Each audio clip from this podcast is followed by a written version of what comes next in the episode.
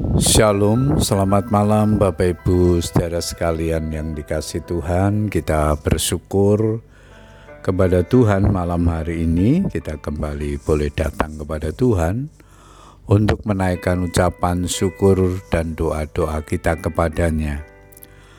Namun sebelum berdoa saya akan membagikan firman Tuhan Yang malam ini diberikan tema Jangan berlaku seperti kuda atau bagal.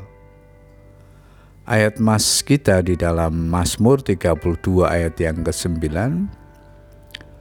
Firman Tuhan berkata demikian, Janganlah seperti kuda atau bagal yang tidak berakal, yang kegarangannya harus dikendalikan dengan tali les dan kekang. Kalau tidak, ia tidak akan mendekati engkau. Seringkali timbul pertanyaan di benak kita, mengapa masalah masih dialami oleh orang yang percaya kepada Kristus? Mengapa Tuhan seolah-olah membiarkan umatnya berjuang sendirian menghadapi pergumulan hidup ini?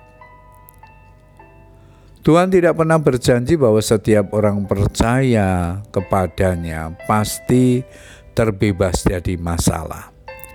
Namun yang pasti bahwa masalah yang dialami tidak melebihi kekuatan manusia. Sebab Allah setia dan karena itu dia tidak akan membiarkan kamu dicobai melampaui kekuatanmu. Pada waktu kamu dicobai, ia akan memberikan kepadamu jalan keluar sehingga kamu dapat menanggungnya. 1 Korintus 10 ayat yang ke-13.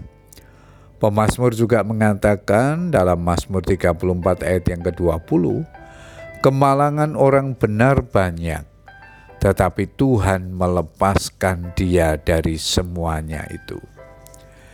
Jika Tuhan mengizinkan masalah, berarti ia punya suatu rencana di balik masalah tersebut. Ada kalanya Tuhan menggunakan masalah sebagai salah satu cara untuk mengajar kita.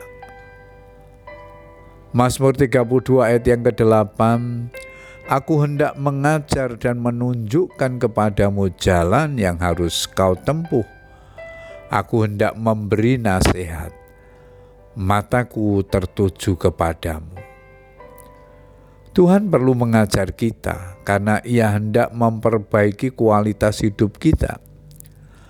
Dalam Mazmur ini Tuhan tidak menghendaki umatnya berlaku seperti kuda atau bakal.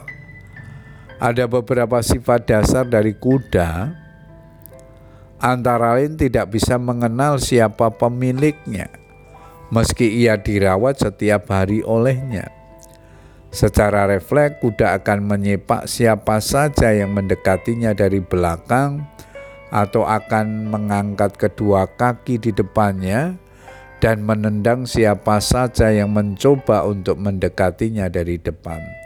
Sekalipun itu adalah pemiliknya sendiri.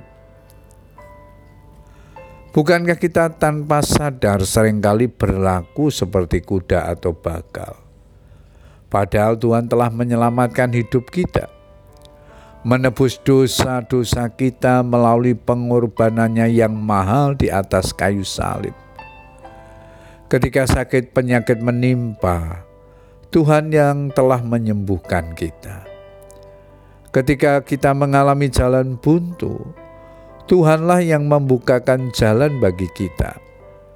Ketika kita berada dalam krisis, Tuhan selalu hadir untuk menolong dan memulihkan keadaan kita. Meski demikian, sering kali kita tetap saja tidak memiliki pengenalan yang benar akan Dia. Puji Tuhan Bapak Ibu Saudara sekalian, biarlah peringatan firman Tuhan yang kita baca dan renungkan malam hari ini akan menolong kita untuk terus mengejar perkenanan Tuhan, terus belajar mengenal kebenarannya yang menuntun kehidupan kita. Selamat berdoa, Tuhan Yesus memberkati. Amin.